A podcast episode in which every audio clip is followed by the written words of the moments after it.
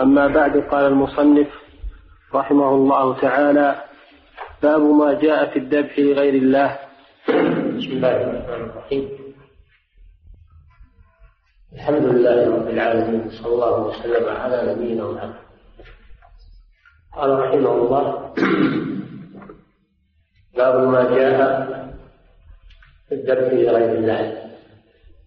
هذا الباب هو من جملة الأبواب التي تشرح معنى لا إله إلا الله. كما سبق قول المؤلف رحمه الله لما ذكر تفسير لا إله إلا الله قال وشرح هذه الترجمة ما بعدها من الأبواب لجملتها هذا الباب في أن من معنى لا إله إلا الله أن لا يذبح إلا لله سبحانه وأن من ذبح لغيره فقد أشرك وخالف معنى لا إله إلا الله وقوله باب ما جاء يعني من الأدلة من الكتاب والسنة في حكم الذبح لغير الله وأنه شرك كما يتضح ذلك مما ساقه رحمه الله في هذا الباب وفي غيره. قضية الذبح قضية عظيمة ضل بها كثير من من بني آدم في الذبح لغير الله بأغراض مختلفة يزينها لهم يزينها لهم الشيطان. نعم. باب ما جاء في الذبح لغير الله وقول الله تعالى قل إن صلاتي ونسكي ومحياي ومماتي لله رب العالمين. لا شريك له. الآية. هذا الدليل الأول. أمر الله نبيه صلى الله عليه وسلم أن يقول للناس إن صلاتي ونسكي ومحياي ومماتي لله رب العالمين لا شريك له. وبذلك أمرت وأنا أول المسلمين. قل أغير الله أبغي ربا. وهو رب كل شيء ولا تكسب كل نفس إلا عليها ولا تزر وازرة وزر. وقوله تعالى قل إن صلاتي جميع الصلوات فرائض ونوافل لا تكون إلا لله فلا يجوز للعبد أن يصلي لغير الله فريضة أو نافلة. ونسكي النسك هو الذبيحة النسك هو الذبيحة المراد به هنا الذبيحة يعني فكما لا يجوز للإنسان أن يصلي لغير الله فكذلك لا يجوز له أن يذبح لغير الله. من الأصنام والأشجار والأحجار والقبور الأضرحة والجن الشياطين والملوك والرؤساء لا التحية عند قدومهم غير ذلك. كل هذا ذبح لغير الله وهو الشرك. الشرك الأكبر. لأن الله قرنه بالصلاة. ولا شك أن من صلى لغير الله فقد أشرك الشرك الأكبر. كذلك من ذبح لغير الله قد أشرك الشرك الأكبر. المخرج من الملة الصلاة عبادة بدنية والذبح عبادة مالية. جميع العبادات مالية كانت أو بدنية يجب إخلاصها لله عز وجل. ومحياي أي ما أحيا عليه في هذه الدنيا جميع العمر يجب على الإنسان في جميع عمره من حين يكلف يبلغ سن التكليف إلى أن يحضره الأجل وهو موحد لله عز وجل. يصرف جميع أعماله لله عز وجل في جميع عمره. ومماتي ما أموت عليه. ما يموت عليه الإنسان. يموت على التوحيد وإخلاص العبادة لله عز وجل. فيجب على المسلم أن يخلص لله في حياته وفي حال صحته وكذلك عند موته. وفي حال حضور الأجل ليختم له بالتوحيد. وهذا فيه تنبيه على أهمية حسن الخاتم. أهمية حسن الخاتم. والغالب أن من استقام على دين الله في عمره وحياته أنه يوفق حسن الخاتمة ومن ضيع عمره في الشرك والمخالفات فحري به أن يصرف عن حسن الخاتمة وتسوء خاتمته إلا أن يتداركه الله جل وعلا فيمن عليه التوبة قبل الموت. لله رب العالمين هذا هو خبر خبر إن خبر إن الجار والمجرور خبر إن اسم إن صلاتي ونسكي. ولله رب العالمين هذا هو الخبر. تعلق بمخلوق خبر إن لله رب العالمين. لله الذي هو الإله المعبود. رب العالمين الذي هو مالك كل شيء. كل شيء بيده. فلا يليق بالعبد أن يشرك بالله. الذي هو ربه خالق ورازقه ومدبر شؤونه ثم أكد ذلك بقوله لا شريك له. هذا نفي للشرك في الصلاة والشرك في الذبح وغيرهما من العبادات. لا شريك له. لا نافع للجنس. وشريك هذا عام. فلا يصلح أن يشرك مع الله أحد. لا ملك مقرب ولا نبي مرسل ولا ولي من الأولياء ولا صالح من الصالحين. لأن كلمة لا شريك تنفي جميع الشركاء. لا شريك له. قال وبذلك أمرت. أمره الله سبحانه وتعالى. لأن الذي يأمر وينهى ويشرع هو الله جل وعلا. والرسول صلى الله عليه وسلم مبلغ عن الله وهو أول من يمتثل أمر ربه. لأنه عبد. لأنه عبد. فهو أول من يمتثل أمر ربه. وبذلك أمرت. وأنا أول المسلمين أي المنقادين لأمر الله. المستسلمين له بالتوحيد والطاعة لأنه صلى الله عليه وسلم هو القدوة. قد كان لكم في رسول الله أسوة حسنة. هذا فيه دليل على أن الرسول صلى الله عليه وسلم ولا غيره لم يبلغ مرتبة الربوبية أو مرتبة الألوهية بل هو عبد من عباد الله وهو أكرم عباد الله. فلا يتخذ إلها مع الله ولا ربا مع الله جل وعلا. وأنا أول المسلمين أي من هذه الأمة. لا من أول الخليقة. لا ليس هو أول المسلمين من, من الخليقة. أنه سبقه مسلمون من الرسل وأتباعهم. ولكن أول المسلمين من هذه الأمة المحمدية.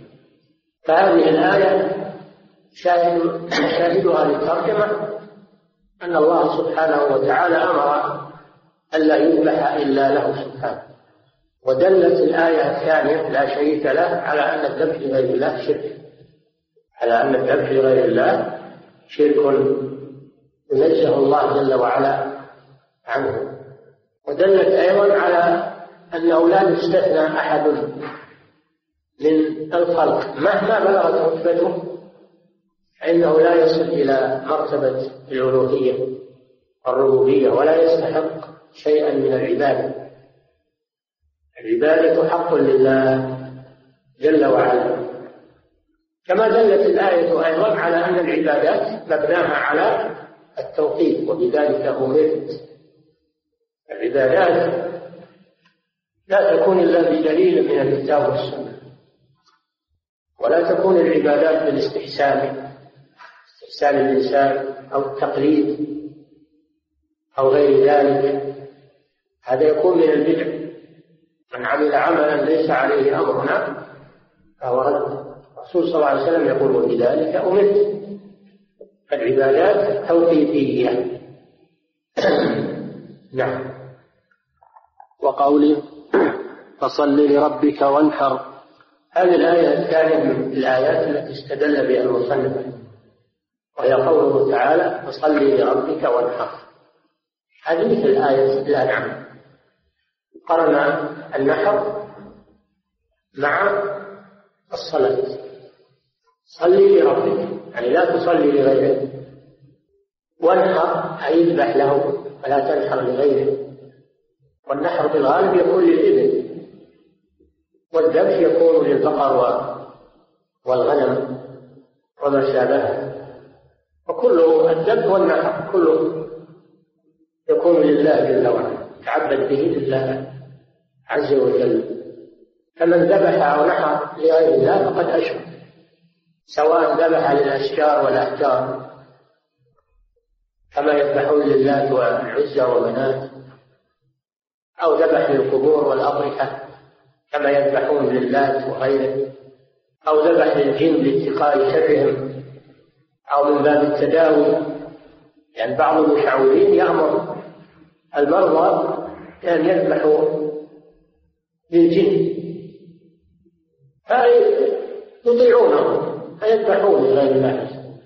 فالذبح على سبيل التعبد والتقرب لا يكون إلا لله.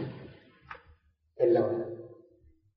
الله جل وعلا قد حرم ما ذبح لغير الله لا لحم فعد من المحرمات بهيمة الأنعام ما أهل به لغير الله. ما ذبح باسم الصنم أو باسم القبر أو باسم الولي أو باسم الجن هذا أهل به. يعني نودي به عند الذبح غير الله. كان يقول باسم المسيح باسم السيد فلان هذا أهل به لغير الله هو حرام يحرم. ميتة هذا هذا شر من الميتة أنه ذبيحة شركية وكذلك ما سمي عليه اسم الله لكن القصد منه غير الله. أن يقول بسم الله على الذبيحة وهو يقصد أنها للقبر أو للولي أو للجن. حتى ولو ذكر اسم الله عليه. لأن العبرة هي في القصد وما في القلب. فما أهل به لغير الله يشمل من نوعين يشمل ما ذكر عليه اسم اسم غير الله. ويشمل ما قصد به غير الله جل وعلا. ولو سمي عليه اسم الله جل وعلا. فإنه يكون محرما ويكون من الشرك. من الشرك الأكبر. والغالب أن الذي يذبح لغير الله لا ينكر عليه اسم الله ولذلك يوصي المشاورون المرضى بأن لا يسموا على الذبيحة. فيقولوا بسم الله. صل لربك وانحر يذبح له.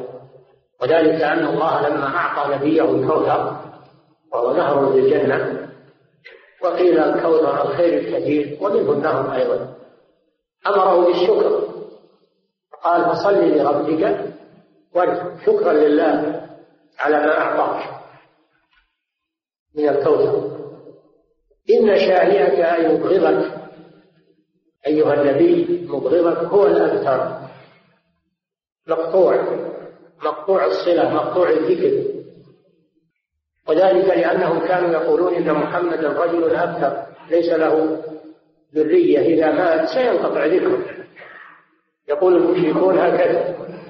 يقولون إنه رجل أبتر ليس له أولاد يعني ذكور ليس له ذرية فسينقطع ذكره إذا مات. فرد الله جل وعلا عليهم بقوله إن شانئك هو الأبتر فالذي يبغض الرسول صلى الله عليه وسلم هو الذي سيكون أبتر مقطوع الذكر ولا يذكر إلا بالذم واللعن من أعداء الرسول صلى الله عليه وسلم. ليس لهم ذكر ولا لسان صدق في العالمين ولا يذكرون إلا بالذم والتنفس. نعم. الشاهد من الآية مثل الآية التي قبلها أن الذبح عبادة لأن الله قرنه بالصلاة وأمر بأن يذبح وينحر له سبحانه وتعالى ولا يذبح لغيره. نعم. عن علي رضي الله عنه قال حدثني رسول الله صلى الله عليه وسلم بأربع كلمات. لعن الله من ذبح لغير الله. لعن الله من لعن والديه. لعن الله من آوى محدثا. لعن الله من غير منار الأرض. رواه مسلم. هذا الدليل من السنة. بعد أن ذكر الدليل من القرآن على تحريم الذبح لغير الله. ذكر الدليل من السنة. عن أمير المؤمنين علي بن أبي طالب رضي الله عنه قال حدثني رسول الله صلى الله عليه وسلم بأربع كلمات لعن الله من ذبح لغير الله. الكلمات يراد بها الجمل. الكلمة عند اللغويين تطلق ويراد بها النطق ولو كانت حرفا واحدا. هذا عند أهل اللغة. أما عند النحويين فالكلمة يراد بها الجملة. ولهذا يقول الناظم واسم واسم وفعل ثم حرف للكلم واحدة كلمة واللفظ عم وكلمة بها كلام قد يؤم أن يقصد قد يراد بالكلمة الجملة. كما ذكر الله جل وعلا في القرآن ربنا أخرجنا منها في قوله كلا إنها كلمة هو قائلها ومن ورائهم برزخ إلى يوم يبعثون. قال رب ارجعون لعلي أعمل صالحا فيما تركت. هذه حرف ولا اسم ولا فعل ولا جملة؟ أه؟ جملة. وسماها الله كلمة. كلا إنها كلمة هو قائلها. فالمراد بالكلمة هنا أربع كلمات أي أربع جمل واللعن معناه الطرد والإبعاد عن رحمة الله جل وعلا. ولا يكون إلا على كبيرة من كبائر الذنوب فمن ضوابط الكبيرة أن يلعن عليها أن يلعن من فعلها أو ارتكبها. فإذا لعن الله جل وعلا على شيء أو لعن الرسول صلى الله عليه وسلم على شيء دل على أنه محرم وأنه كبيرة من كبائر الذنوب. فدل على أن هذه الجمل أن ما جاء في هذه الجمل الأربع كله كبائر من كبائر الذنوب. لعن الله من ذبح لغير الله. وانظروا كيف بدأ بالذبح. قدم لعن الذابح لغير الله على الجمل الأخرى. لأهمية هذا الأمر. بدأ به الرسول صلى الله عليه وسلم لأهمية وأن أعظم المحرمات هو الشرك. إذا قيل لك ما أعظم المحرمات أقول الشرك. أو قيل لك ما أعظم ما نهى الله عنه. ماذا تقول؟ الشرك. إذا قيل لك ما أعظم ما أمر الله به والتوحيد. أعظم ما أمر الله به التوحيد. وأعظم ما نهى عنه الشرك. ولذلك قدمه النبي صلى الله عليه وسلم في هذا الحديث. لعن الله من ذبح لغير الله. لغير الله مطلقا لم يستثني شيء. سواء كان ملكا أو نبيا أو وليا أو شجرا أو حجرا أو جنا أو إنسا أو غيره. فهو ملعون. قد لعنه النبي صلى الله عليه وسلم. لعن الله من ذبح لغير الله. لأي قصد كان. لأي قصد. لعن الله من ذبح لغير الله. هذا محل الشاهد من الحديث. وأن من ذبح لغير الله فإنه ملعون. على لسان رسول الله صلى الله عليه وسلم. وأنه لا يستثنى من ذلك شيء. لأن الذبح عبادة. والعبادة لا تكون إلا لله عز وجل. لعن الله من لعن والديه. هذه الجملة الثانية الله جل وعلا جعل حق الوالدين بعد حقه واعبدوا الله ولا تشركوا به شيئا. وبالوالدين إحسانا قضى ربك أن لا تعبدوا إلا إياه.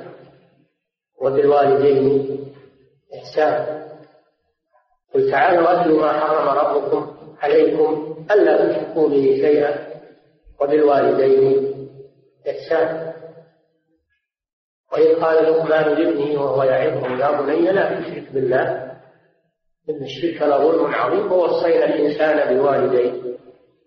حملته أمه وهنا على وهن فدائما يأتي حق الوالدين بعد حق الله سبحانه وتعالى. فحقهما البر والإحسان ورد الجميل. والتواضع خفض الجناح لهما وعدم عدم عدم إثارة ما يغضبهما بالكلام وبالفعل. لا تقل لهما ولا تنهرهما. قل لهما قولا كريما واخفض لهما جناح الذل من الرحمة. قل رب ارحمهما كما ربياني صغيرا. والعقوق من أكبر الكبائر من الموبقات. من الموبقات فطاعة الوالد تأتي بعد طاعة الله لكن بالمعروف. الوالد وغيره من المخلوقين لا يطاع إلا بالمعروف ما يطاع بالمعصية وإن جاهداك على أن تشرك به ما ليس لك به علم فلا تطعهم. فلا تطعهما في الشرك. ولكن يبقى حقهما من الإكرام والإحسان وصاحبهما. في الدنيا معروفا واتبع سبيل من أناب إليه فالذي يغير هذا الحكم الإلهي بحق الوالدين ويقابلهما بالعقوق والكلام السيء وأفحش الكلام أقبح الكلام اللعن فإذا لعن أحد والديه أو لعن والديه فقد لعنه الله سبحانه وتعالى. لأن الجزاء من جنس العمل. والوالد والوالدان يشمل الآباء والأجداد والجدات. الأب يشمل الأب والجد ويشمل الأم والجدة مهما علت لهم يقال لهم والدان لا يجوز للإنسان أنه يلعن والديه. يتفوه في ذلك أو يتسبب في لعن والديه. كأن يسب أبا أحد أو أم أحد فيسب أباه في المقابل. فيكون الإثم على البادي والمتسبب وهو الولد. ولهذا لما سئل النبي صلى الله عليه وسلم كيف يلعن الرجل أباه؟ قال يسب أبا الرجل فيسب أباه ويسب أمه فيسب فلا يلعن والديه مباشرة ولا تسببا. ومن فعل ذلك فإنه مستحق للعنة الله عز وجل. لعن الله من لعن والديه لعن الله عن الكلمة الثالثة. لعن الله من آوى محدثا. من آوى محدثا. آواه يعني ضمه إليه. ضمه إليه ودافع عنه. وحماه والمحدث هو الذي فعل فعلا يوجب عليه حد من الحدود. يوجب عليه إقامة الحد. كالزاني والسارق شارب الخمر قاطع الطريق. فمن فعل جريمة يستوجب الحد عليها فلا يجوز لأحد أن يحول بينه وبين إقامة الحد. فمن حال بين إقامة الحد بشفاعته أو بسلطته فإنه ملعون ولهذا جاء في الحديث تعافوا الحدود فيما بينهم فإذا بلغت الحدود السلطان فلعن الله الشافع والمشفع. وأراد أسامة بن زيد رضي الله عنه أن يشفع امرأة من قريش من بني مخزوم. سرقت تقرر قطع يديها. فأراد أسامة أن يشفع لها. فغضب عليه النبي صلى الله عليه وسلم مع أنه يحبه أشد الحب. غضب عليه. قال له أتشفع في حد من حدود الله؟ إنما أهلك من كان قبلكم أنهم كانوا إذا سرق فيهم الشريف تركوه. وإذا سرق فيهم الضعيف أقاموا عليه الحد. ويم الله لو أن فاطمة بنت محمد صلى الله عليه وسلم سرقت فقطعت يده. وهو الصادق المصدوق صلى الله عليه وسلم. فلا يجوز أن يحول الإنسان دون إقامة الحد على من تقرر عليه. من قصاص أو سرقة حد سرقة أو حد زنا أو شرب خمر أو غير ذلك من الحدود. لا بد من تنفيذ الحد إذا ثبت وتقرر. ومن تدخل لإسقاطه فإنه يكون مضادا لحكم الله جل وعلا ويكون ملعونا. لعن الله من آوى محدثا. آواه يعني حال بينه وبين إقامة الحد وضمه إليه بسلطته أو إجابة وشفاعته. هذا المحدث. ويروى محدثا محدثا بفتح الدال. والمحدث معناه ما أحدث في الدين من البدع والخرافات. فلا يجوز للمسلم أن يؤوي البدع وأن يناصرها ويدافع عنها؟ فمن دافع عن البدع وناصرها فإنه يكون ملعون المحدث بفتح الدال هو البدعة. من أحدث في أمرنا هذا ما ليس منه فهو. فالذي يدافع عن البدع ويؤيدها ويدعو إليها ويحسنها للناس ملعون على لسان رسول الله صلى الله عليه وسلم. ومنه الذين يؤلفون الكتب في مناصرة البدع وصبغتها بصبغة التشريع ويلقون المحاضرات والندوات والخطب وينكرون على أهل السنة والجماعة الذين يردون البدع ويحذرون منها ويعينونهم. هؤلاء يدخلون في هذا الحديث. من آوى محدثا محدثا لأنهم آووا المحدث وهو البدعة لأن الواجب إنكار البدع والتحذير منها والأمر بلزوم السنة والاعتماد عليها. هذا هو الواجب على المسلمين. وما أكثر من يناصرون البدع. وما أكثر من يناصرون المجرمين. ويدافعون عنهم. ويحولون دون إقامة حدود الله في الأرض. نسأل الله العافية والسلام. لكن هم ملعونون على لسان رسول الله صلى الله عليه وسلم. فليفعلوا ما شاء. فإنهم لن يفلتوا من حكم الله عز وجل. الكلمة الرابعة لعن الله من غير منار الأرض. المنار هي العلامات. المنارة هي العلامة لأنها تنير للناس تنير للناس الحق وتنير للناس الصواب من الخطأ. قالوا وهذا محمول على المراسيم التي تكون بين أملاك الناس. مراسيم. بين أملاك الناس وحدود. يجي واحد ويقدمها ولا يوخرها عن وضعها. من أجل يأخذ شيئا من أرض من أرض الآخر. ويقال هذا الإنسان هذا ملعون. قد جاء في الحديث من قطع شبرا من الأرض بغير حق فوقه يوم القيامة من سبع أراضي المسألة ليس أرض أخذتها وخلاص. قدمت مراسيم وأخذت من من حق جيرانك وانتهى الوضع. لا. الأمر وراء حساب.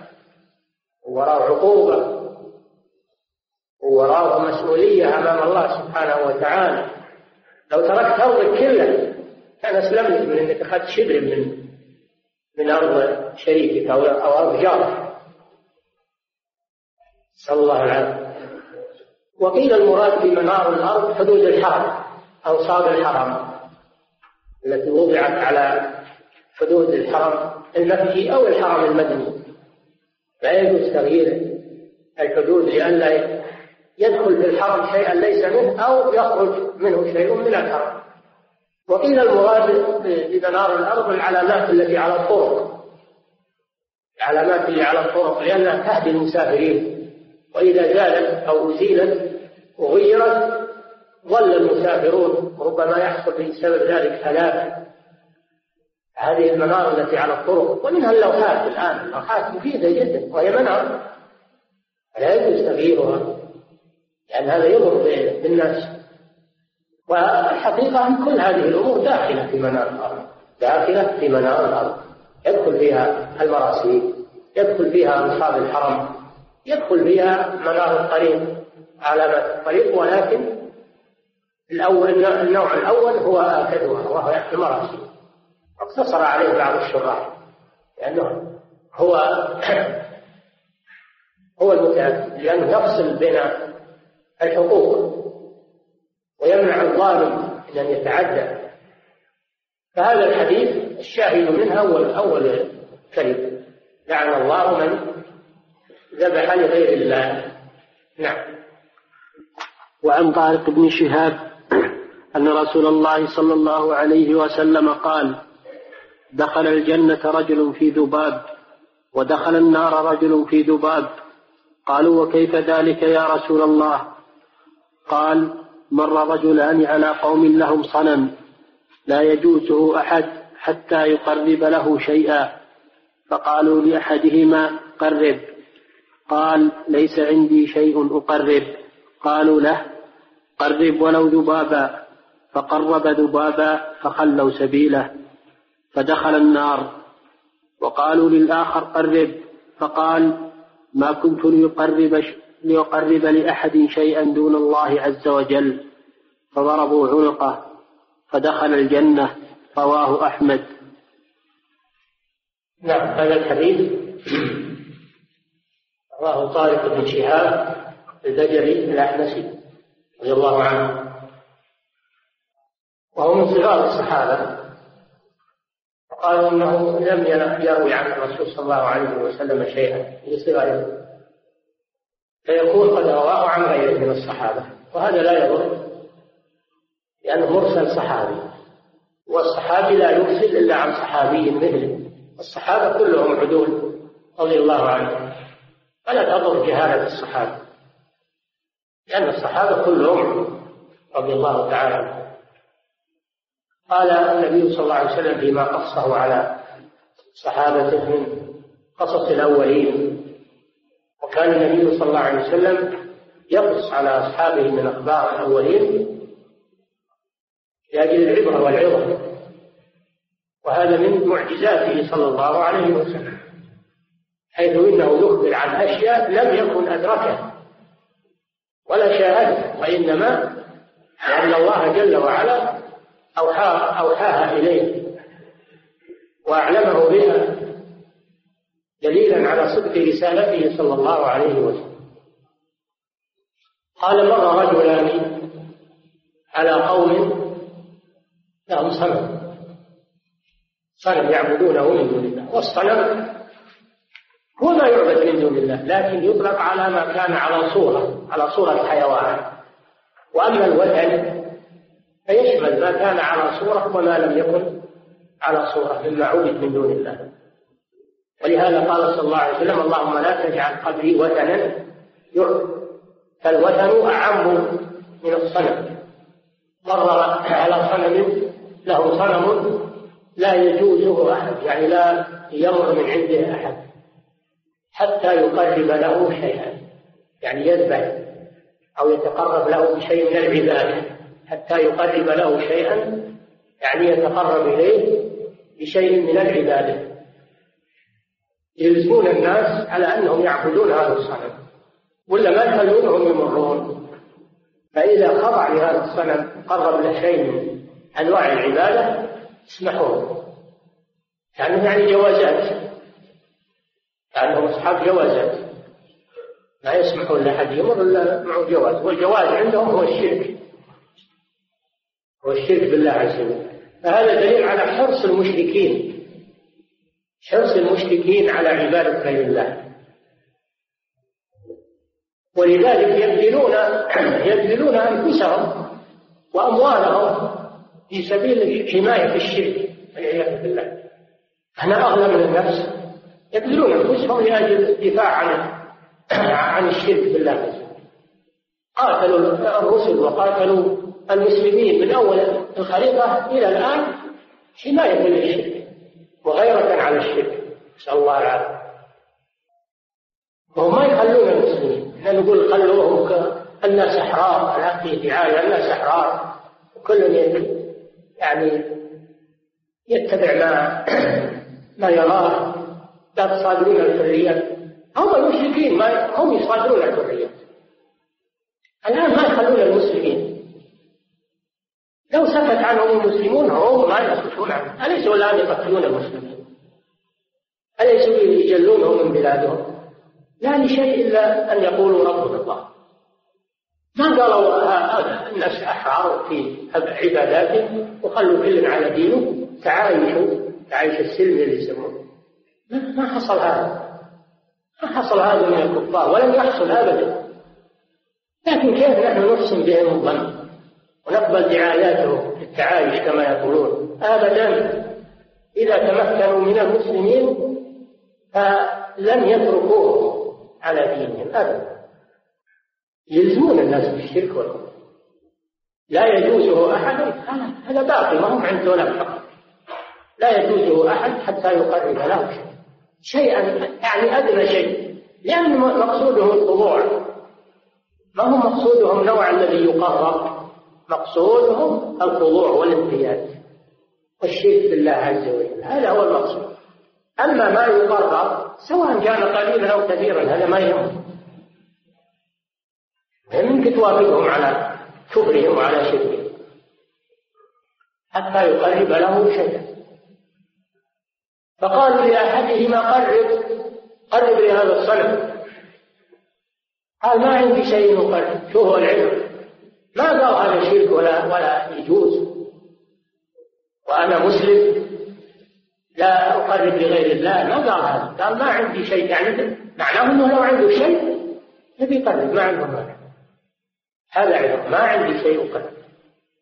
قالوا له قرب ولو ذبابا لأن كما ذكرت لكم ما هو مهمتهم نوعا يقرب مهمتهم الطاعة والخضوع. قالوا قرب ولو ذبابا يعني اذبح لهذا الصنم ولو ذبابا الرجل ذبح الذباب تقربا إلى الصنم من أجل أن يسمحوا له بالمرور هذا خلوا سبيله راح اسمحوا له راح لكن راح إلى وين؟ ها؟ راح إلى النار والعياذ اسمحوا له يروح إلى النار. خلوا سبيله فدخل النار. لما وافقهم وذبح لغير الله اسمحوا له ذهب لكن إلى النار والعياذ هذه عاقبة الشرك عاقبة المشركين. وقالوا للآخر قرب ما قال ما عندي شيء. قال ما كنت لأقرب لأحد شيئا دون الله عز وجل صرح بعقيدته واعتز بدينه ولم يدل ولم يستكن. وهكذا المؤمن يجب أن يعتز بدينه وعقيدته ولا يساوم عليها. ولا يستحي من ذكرها والمصارعة فيها. قال ما كنت لأقرب لأحد شيئا دون الله. لو عنده أدوات من الإبل ومن الغنم ما هو راجع فهو العذر أنه ما عنده شيء؟ العذر أنه ما يذبح من الإبل شوفوا التوحيد؟ شوفوا الشجاعة؟ الاعتزاز بالدين والعقيدة؟ فضربوا عنقه قتلوا قتلوه لكن أين ذهب؟ إلى الجنة. ذهب إلى الجنة. والموت حاصل حاصل. حتى هو لو سمحوا له راح يموت. ولا يقتل. الموت حاصل حاصل. لكن موت بعده الجنة ولا موت بعده النار؟ هذا هو النتيجة. فقد ضربوا عنقه فدخل الجنة. يعني تمسك بدينه واعتز بعقيدته ولم يساوم عليها ولو أدى به إلى القتل فهو يعتز بهذا يقتل في سبيل الله يعتز المسلم بهذا ويفرح بالشهادة ضربوا عنقه ودخل الجنة هذا الحديث واضح في أن الذبح لغير الله شرك ولو كان المذبوح قليلا ولو كان ذبابا لأن العبرة ليست بالمذبوح إنما العبرة بما في القلب. فالذي سمح أنه يذبح لغير الله دخل النار. والذي لم يسمح دخل الجنة. هذا هو مفترض الطرق بين الموحدين والمشركين. هذا الحديث واضح كل الوضوح في أن الذبح لغير الله أنه شرك كما دلت عليه الآيات والأحاديث. وأن من فعله فمآله إلى النار. من مات على الشرك هذا مات على الشرك ولا لا؟ دخل النار. وهذا مات على التوحيد. قتلوه ومات على التوحيد. دخل الجنة. والشيخ رحمه الله يقول على فوائد هذا الحديث يقول فيه دليل على قرب الجنة والنار. ما بينك وبين الجنة أو النار إلا أن تموت والموت قريب.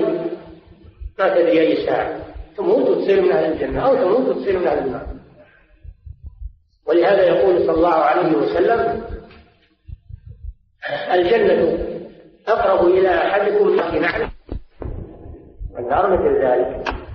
وهذا مما يوجب على المسلم تمسك بدينه لئلا ينزل به الموت وهو على غير دين وعلى غير عقيدة. يتأهب يتأهب للموت في كل لحظة. يكون على استعداد. يتفقد نفسه ويتفقد دينه ويتفقد عقيدته. ويكثر من ذكر الله ومن التسبيح والتهليل يكثر من ذلك لأجل أن يموت على هذا. فهذا الحديث فيه أولا علم من أعلام نبوته صلى الله عليه وسلم حيث إنه حدث عن الأمم الماضية شيء لم يشاهده. ثانيا فيه أن الذبح لغير الله شرك يوجب النار. ولو كان المذبوح شيئا يسيرا. كالذباب والطائر طير دجاج الحمام. فكيف بذبح كيف بذبح الرعاية من الغنم والأزواج من الإبل التي تذبح عند قبر البدوي في طنطا أو غيره من الأضرحة؟ يأتون بقطيع الغنم ويذبحونه. بالبدوي يأتون بالإبل يأتون بالبقر. وفي غير غير طنطا في كل مكان عند القبور في كل مكان. هذا شيء جائز إلا هذه البلاد لله الحمد حماها الله بهذه الدعوة المباركة. ونسأل الله أن يثبتها على هذا وأن يكفيها شر الأعداء والحاسدين. وإلا في البلاد من غير المملكة الأضرحة تشتغل الليل والنهار الشركيات والبلاء الكثير لا حول ولا قوة إلا بالله. تعرفون بذلك نعمة التوحيد ونعمة العقيدة ونعمة الدعوة إلى الله عز وجل ونعمة الإخلاص لله عز وجل. هذه ثمرات الدعوة الصحيحة إلى الله عز وجل. دعوة الرسل عليهم الصلاة والسلام. هي اللي تنقي الأرض تطهر الأرض من الشرك والبدع. أما المذاهب الأخرى والمناهج الأخرى فإنما تجلب الوبال والشر. وكل له كل له دعاية كل له طريقة وكل له ما فيه إلا الطريق الواحد. وأن هذا صراطي مستقيما فاتبعوه ولا تتبعوا السبل فتفرق بكم عن سبيله قد يستشكل بعض الناس هل لماذا الرجل هذا مكره؟ والمكره معفو عنه. قال الله جل وعلا من كفر بالله من بعد إيمانه إلا من اكره وقلبه مطمئن بالإيمان. فهذا يقولون مكره نقول له هذا ليس بمكره وما اعتذر. ما اعتذر بان الذبح لغير الله لا يجوز وإنما قال ما عندي شيء. ما عندي شيء يقرر. فدل على أنه مسلم بهذا الأمر ولم ينكره لم ينكر الشرك. وحتى لو لم يذبح إذا أقر الشرك وقال هذا صحيح أو أنتم على على حق أو كل على عقيدته. يكون هذا يكفر بالله انه اقر الشرك فإذا ذبحوا نفسا يكون هذا أشد. فالرجل والله أعلم غير مكلف. لأنه قال ما اعتذر. ما اعتذر بإنكار الشرك. وإنما قال ليس عندي شيء أقرب. هذا عذره. فدل على أنه لو عنده شيء ما عنده مانع. يقدم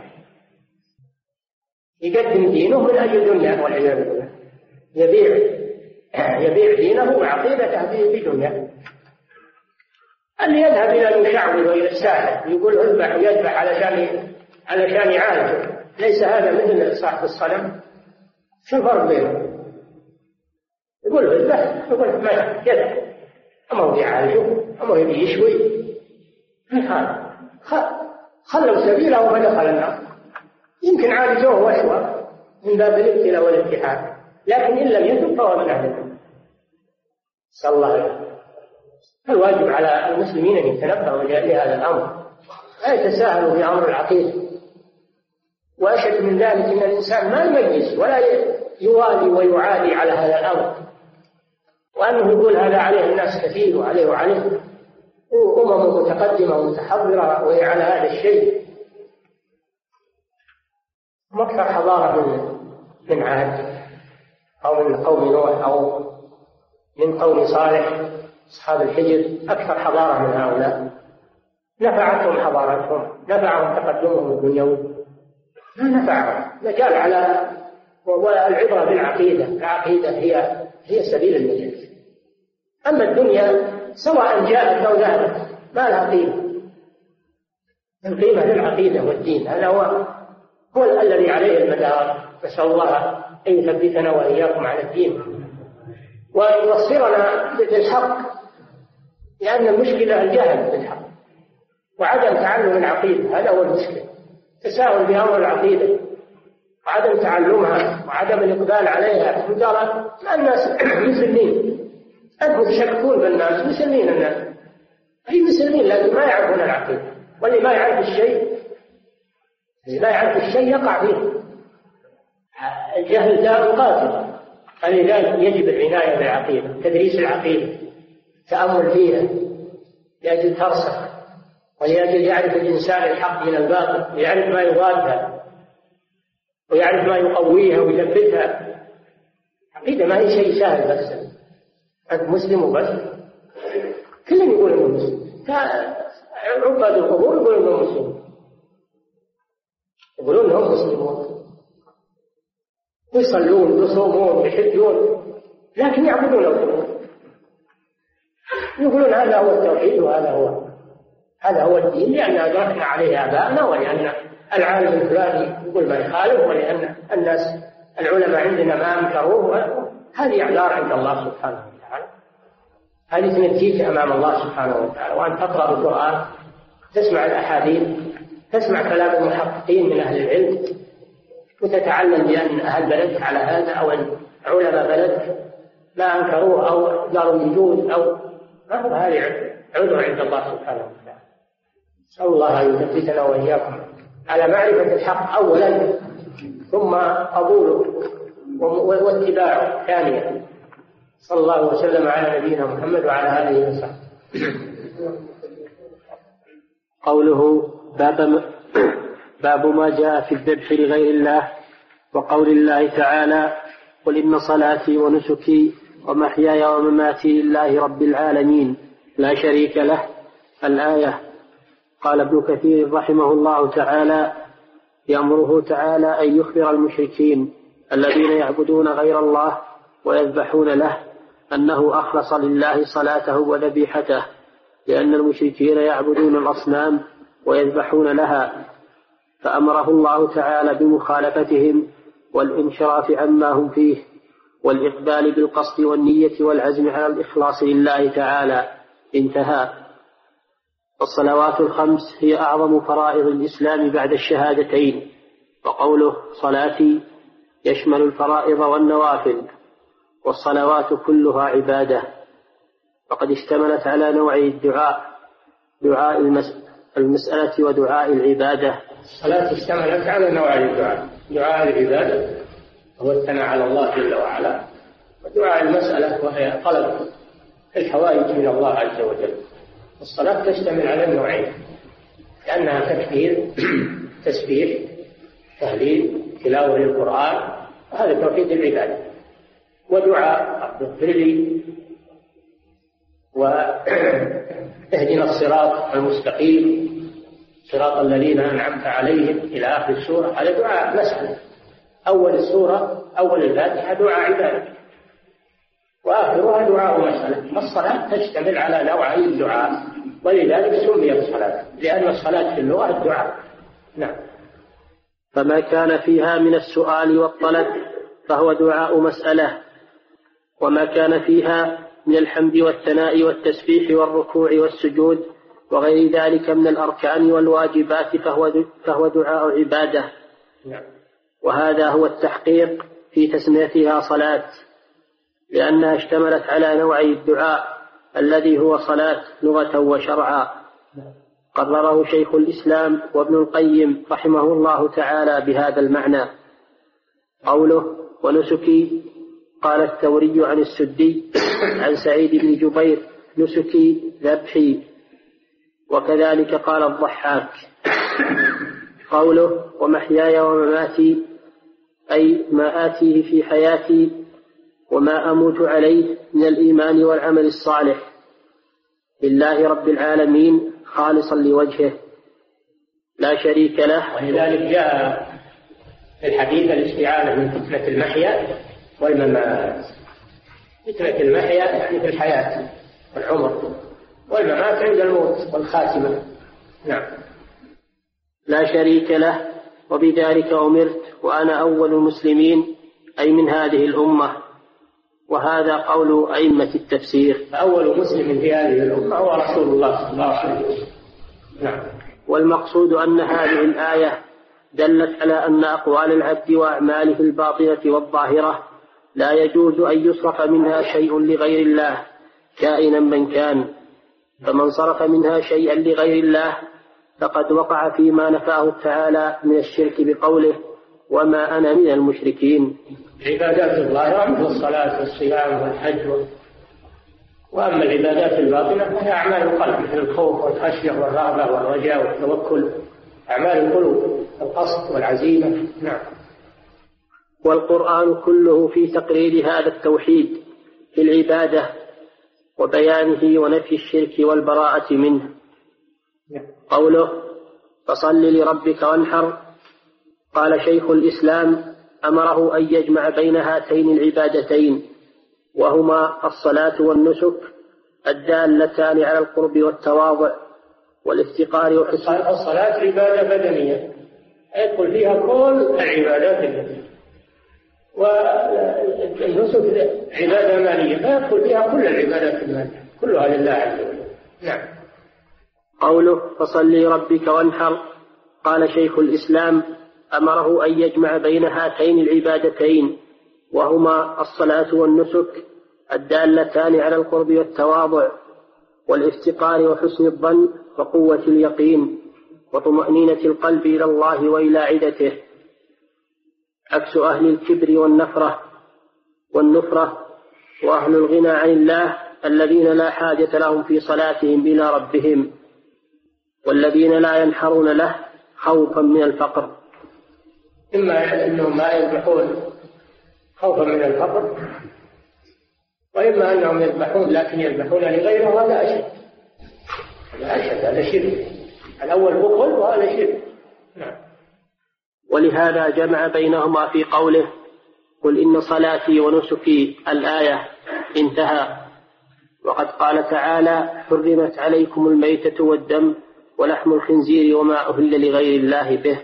الآية الشاهد في قوله وما أهل لغير الله به يعني ذبح لغير الله سواء باللفظ أو بالنية والقصد. نعم. قوله عن علي رضي الله عنه قال حدثني رسول الله صلى الله عليه وسلم بأربع كلمات. لعن الله من ذبح لغير الله.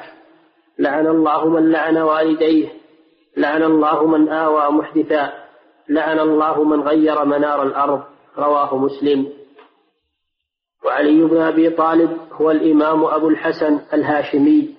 ابن عم النبي صلى الله عليه وسلم وزوج ابنته فاطمة الزهراء رضي الله عنها. كان من أسبق السابقين الأولين.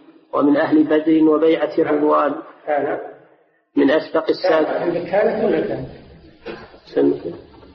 كان كان كان من أسبق السابقين الأولين. يعني علي بن أبي طالب رضي الله عنه. ومن أهل بدر وبيعة الرضوان. وأحد العشرة المشهود لهم بالجنة. ورابع الخلفاء الراشدين. مناقبه كثيرة رضي الله عنه. ومناقبه مشهورة رضي الله عنه. قتله ابن ملجم الخارجي في رمضان سنة أربعين. قال أبو السعادات أصل اللعن الطرد والإبعاد من الله. قوله السعادات اللي هو ابن الأثير. ابن الأثير في النهاية. كتاب النهاية في شرح غريب الحديث. نعم. قوله من ذبح من ذبح لغير الله. قال شيخ الإسلام قوله وما أهل به لغير الله. ظاهره أن ما ذبح لغير الله مثل أن يقال هذا ذبيحة هذا ذبيحة لكذا. وإذا كان هذا هو المقصود فسواء لفظ به أو لم يلفظ. وتحريم هذا أظهر من تحريم ما ذبح للحم. وقال فيه باسم المسيح ونحوه. كما أن من ذبح كما أن من ذبحناه كما أن ما ذبحناه متقربين به إلى الله كان أزكى وأعظم مما ذبحناه للحم وقلنا عليه بسم الله. هذا مباح الذبح للحم وينكر عليه اسم الله هذا مباح لكن الذبح لله عبادة هذا إما واجب وإما مستحب. عبادة. نعم. فإذا حرم ما قيل فيه باسم المسيح والزهرة فلأن يحرم والزهرة. نجم يعني اسم نجم. فلأن يحرم فلأن فلأن يحرم ما قيل يحرم. فلأن يحرم ما قيل فيه لأجل المسيح أو الزهرة أو قصد, أو قصد به ذلك أو لا. فإن العبادة لغير الله أعظم كفرا من الاستعانة بغير الله. فعلى هذا لو ذبح لغير الله متقربا إليه يحرم وإن قال فيه بسم الله. كما قد يفعله طائفة من منافقي هذه الأمة. الذين يتقربون إلى الكواكب بالذبح والبخور ونحو ذلك. وإن كانوا وإن كان هؤلاء مرتدين لا تباح ذبيحتهم بحال إلى آخره. قلت ومن ذلك الذبح للجن. قوله ذبح للجن للعلاج أو الذبح للجن لقاء شر لما يضرون أو الذبح للجن عندما ينزل في المنزل أو يعمل مصنع أو يعمل مشروع. يذبح للجن عند بداية المشروع من أجل أن لا يضروه نعم. قوله لعن الله من لعن والديه يعني أباه وأمه وإن علوا. نعم. وفي الزاد والجدة. نعم. وفي الصحيح أن رسول الله صلى الله عليه وسلم قال من الكبائر شتم الرجل والديه. قالوا يا رسول الله وهل يشتم الرجل والديه؟ قال نعم. يسب أبا الرجل فيسب أباه ويسب أمه فيسب أمه. واللعن من شيء هو محرم. أو لغير الوالدين محرم اللعن لأن المؤمن ليس بالطعان ولا باللحان كيف إذا كان للوالدين؟ نعم. قوله لعن الله من آوى محدثا هو بفتح الهمزة ممدودة أي ضمه إليه وحماه. وأما محدثا وأما محدثا فقال أبو السعادات يروى بكسر الدال وفتحها على الفاعل والمفعول فمعنى الكسر من نصر جانيا وآواه وأجاره وأجاره من خصمه وحال بينه وبين أن يقتص منه. والفتح هو الأمر المبتدع نفسه. فضيلة الشيخ من الناس من يقول ذبحت لفلان عندما يأتيه ضيف. هل يدخل هذا في الشرك؟ لا. هذا ما يدخل في الشرك لأن ما قصده التقرب إنما قصده في إكرام إكرام الضيف ذبحت لفلان يعني لإكرامه أو من أجله هذا من باب المباح. بل هذا إكرام الضيف مأمور به. نعم. يعني بالله واليوم الآخر فليكرم ضيفه نعم. فضيلة الشيخ هل يجوز أن يذبح أن يذبح لله بسبب أن شخصا مريضا فعافاه الله أو لكي يدفع الله عنه المرض. باب الصدقة لا يذبح ذبيحة يوزع الحمل يتصدق بالحمل لا لا بأس بها أو يتصدق بالدراهم أو من أجل أن يشفي الله هذا المريض. هذه عبادة لله عز وجل. توسل إلى الله بعبادة. نعم. فضيلة الشيخ قوله في الحديث لعن الله من آوى محدثا. السؤال هل ما يفعله بعض الناس اليوم بدفع مبالغ ضخمة لأهل المقتول لكي يسمح عن إقامة حد القصاص عن القاتل من ذلك؟ لا هذا من باب الصلح. الصلح جائز بين المسلمين. إلا من صلحا أحل حراما أو حرم حلالا. قال الله جل وعلا فالصلح خير. لا خير في كثير من نجواهم إلا من أمر بصدقة أو معروف أو إصلاح بين الناس. فإذا تقرر القصاص لأولياء القتيل ثم سمحوا على مبلغ من المال هذا من باب الصلح. هذا شيء طيب. نعم. فضيلة الشيخ يقول لو طالبوا بالقصاص لو أبوا العفو وطالبوا بالقصاص فلا يجوز لأحد أن يحول بينهم وبين تنفيذ القصاص؟ أما إذا اسمحوا على المال أو اسمحوا مجانا فهذا طيب. نعم. فضيلة الشيخ يقوم بعض الناس في بعض البلدان الإسلامية بذبح عند بعض القبور ويقولون نحن لا نذبح لصاحب القبر إنما نوفي بنذر علينا ونحن نذبح لله عز وجل. ماذا يقال لمثل هؤلاء؟ أولا هذا كذب ما يذبحون عند القبر؟ لهم يعتقدون. به لهم شلون يكون عند القبر؟ ولو قالوا إحنا نقصد الذبح لله. الله ما أمرك انك تذبح عند القبر. فتذبح اذبح بدارك لا اذبح في أي مكان ما في في قوة. تذبح لتاكل أو لتتصدق أو تذبح أضحية أو آه، حقيقة. اذبح مو عند القبور القبور ليست محل ذبح وليست محل صلاة وليست محل دعاء. هذا كله منهي عنه ولا يجوز. لأنه إما شرك وإما وسيلة وسائل الشرك. نعم. فضيلة الشيخ هل يجوز لمن أكره على الذبح لغير الله أن يذبح لغير الله مع اطمئنان قلبه؟ على محل خلاف هل الإكراه يختص بالقول ولا يجوز في الأفعال؟ هذا قول كثير من العلم وحملوا هذا الحديث على أن الإكراه ليس على الأفعال هذا فعل إنما الإكراه على الأقوال. والصحيح أن الإكراه يشمل القول والفعل. لكن هذا ما هو مكره هذا ما ما اعتذر به. هذا اعتذر بأن ما عنده شيء؟ ولا لو عنده شيء فهو مسلم بهذا نعم.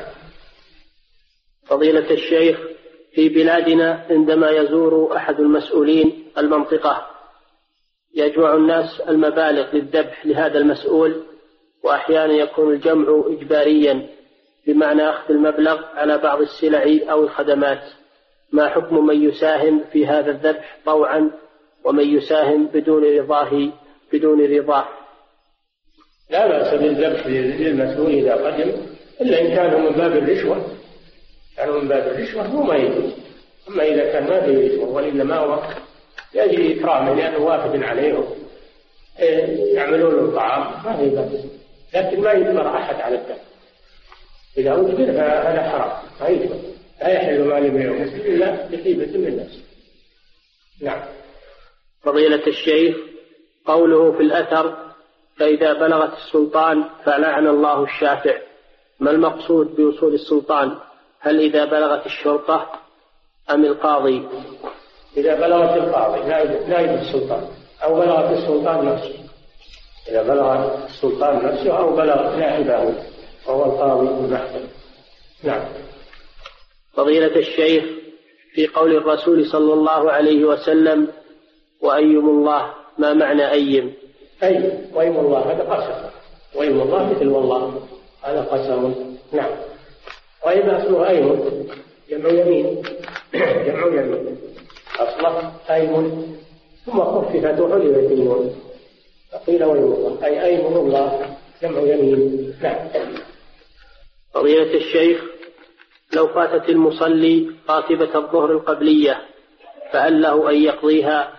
بعد الفريضة كراتبة الفجر. لا إذا قضاء فلا مانع من ذلك. النبي صلى الله عليه وسلم قضى قضى الرواتب التي قبل الفريضة قضاها بعد الفريضة. فإذا فعله بذلك إن شاء الله. نعم. فضيلة الشيخ هل كلمة رضي الله عنه تقال لغير الصحابة؟ لا بأس. ما لم يتخذ ذلك شعارا لشخص معين. ما إذا قالها غير أن تتخذ شعارا لشخص معين فلا لأن هذا دعاء تدعو له بالرضا لا بأس بذلك. نعم. فضيلة الشيخ هل للمرأة المتوفى عنها زوجها أن تحج أن تحج قبل انقضاء العدة؟ لا. لا تغادر البيت حتى تنتهي عدة الوفاة. لا لحج ولا لغيره.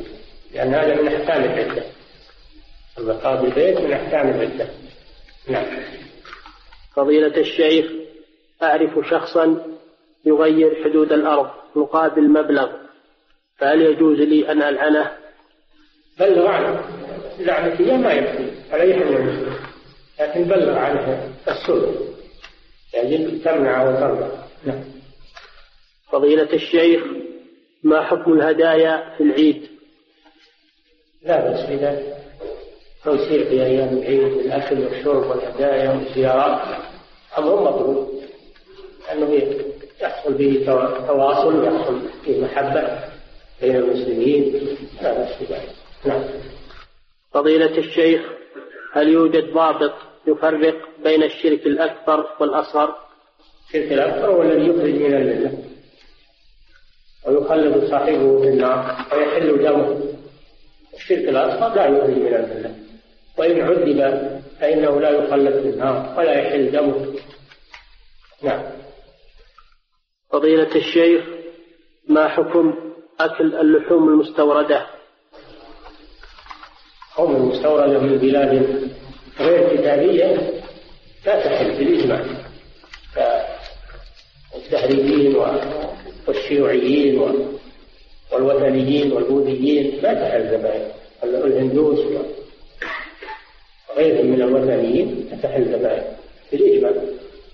أما إذا كانت واردة من أهل الكتاب كاليهود والنصارى فإنها تحل بشرط أن يكونوا يذبحون على الطريقة الشرعية. أي كانوا يذبحونها على غير الطريقة الشرعية فهي لا تحل أيضا. كما لو ذبحوها بالخلق أو ذبحوها بالصعق الكهربائي أو ذبحوها بالماء الحار. الذبح إذا كان على غير الطريقة الشرعية لا يحل سواء كان من مسلم أو من كتابي. نعم. فضيلة الشيخ متى يبدأ يوم الجمعة ومتى ينتهي؟ يبدأ بطلوع الفجر. وينتهي بغروب الشمس. نعم. فضيلة الشيخ إذا سب أبا الرجل فسب أباه هل يكون الإثم على الأول فقط أم على الجميع؟ على الاثنين. على الاثنين لأن اللعن حرام من الجميع. لكن يكون إثم البادي أشد. إثم البادي أشد. نعم. فضيلة الشيخ يوجد في مقر عملي في إحدى الشركات رجل أجنبي وقد طلب مني مصحف بحجة أن الذي عنده صغير ويريد أكبر منه ولكن حفظكم الله الذي يعملون معه في نفس القسم يقولون إنه رافضي حيث أنه يصلي لوحده ولكن لم يتبين لي شيء سوى أنه لا يصلي معنا في المسجد مع العلم أن الذي أخبرني من نفس جنسيته الذي طلب المصحف يقول أنه رافض يوجد في مقر عملي في إحدى الشركات رجل أجنبي وقد طلب مني مصحف بحجة أن الذي عنده صغير. ويريد أكبر منه. ولكن حفظكم الله الذي يعملون معه في نفس القسم يقولون إنه رافضي حيث إنه يصلي لوحده. ولكن لم يتبين لي شيء سوى أنه لا يصلي معنا في المسجد. لا تعطيه المصحف هذا هو يدور المصحف. لا تعطيه المصحف. أنه يبحث عن مصحف صاحب كثير. إذا طلبه هو خالفه ما أنت مسؤول عنه. أما إن كانت اللي تمكنه في جيبه ما هو ما نعم. فضيلة الشيخ ما رأيكم في من يدعي التوحيد ويوصي بقراءة كتب لدعاة الضلال؟ اللي يوصي كتب قراءتها؟ في تفصيل. إن كان يوصي بقراءتها لمعرفة ما فيها من الباطل لأجل الرد عليها فلا بأس.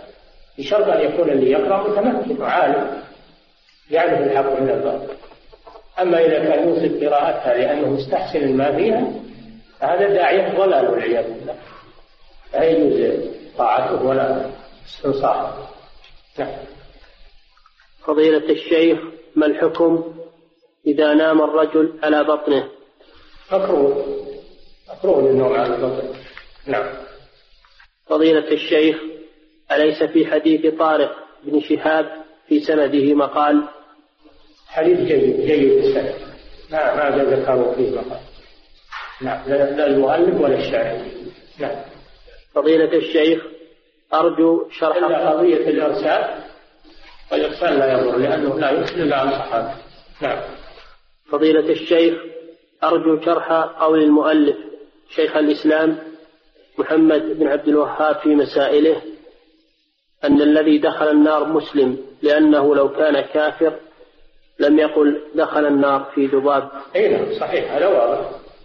لو كان كافرا دخل النار بكفر لكنه قال دخل النار في ذباب. فدل على أنه كان مسلما فلما ذبح لغير الله صار مشركا. نعم هذا واضح من الحديث. فضيلة الشيخ توجد في بعض البيوت خادمات يتعاطين السحر ومع هذا نجد أن بعض أصحاب هذه البيوت قد جعلها في بيته وآواها في بيته. فهل يدخل هذا في اللعن الوارد؟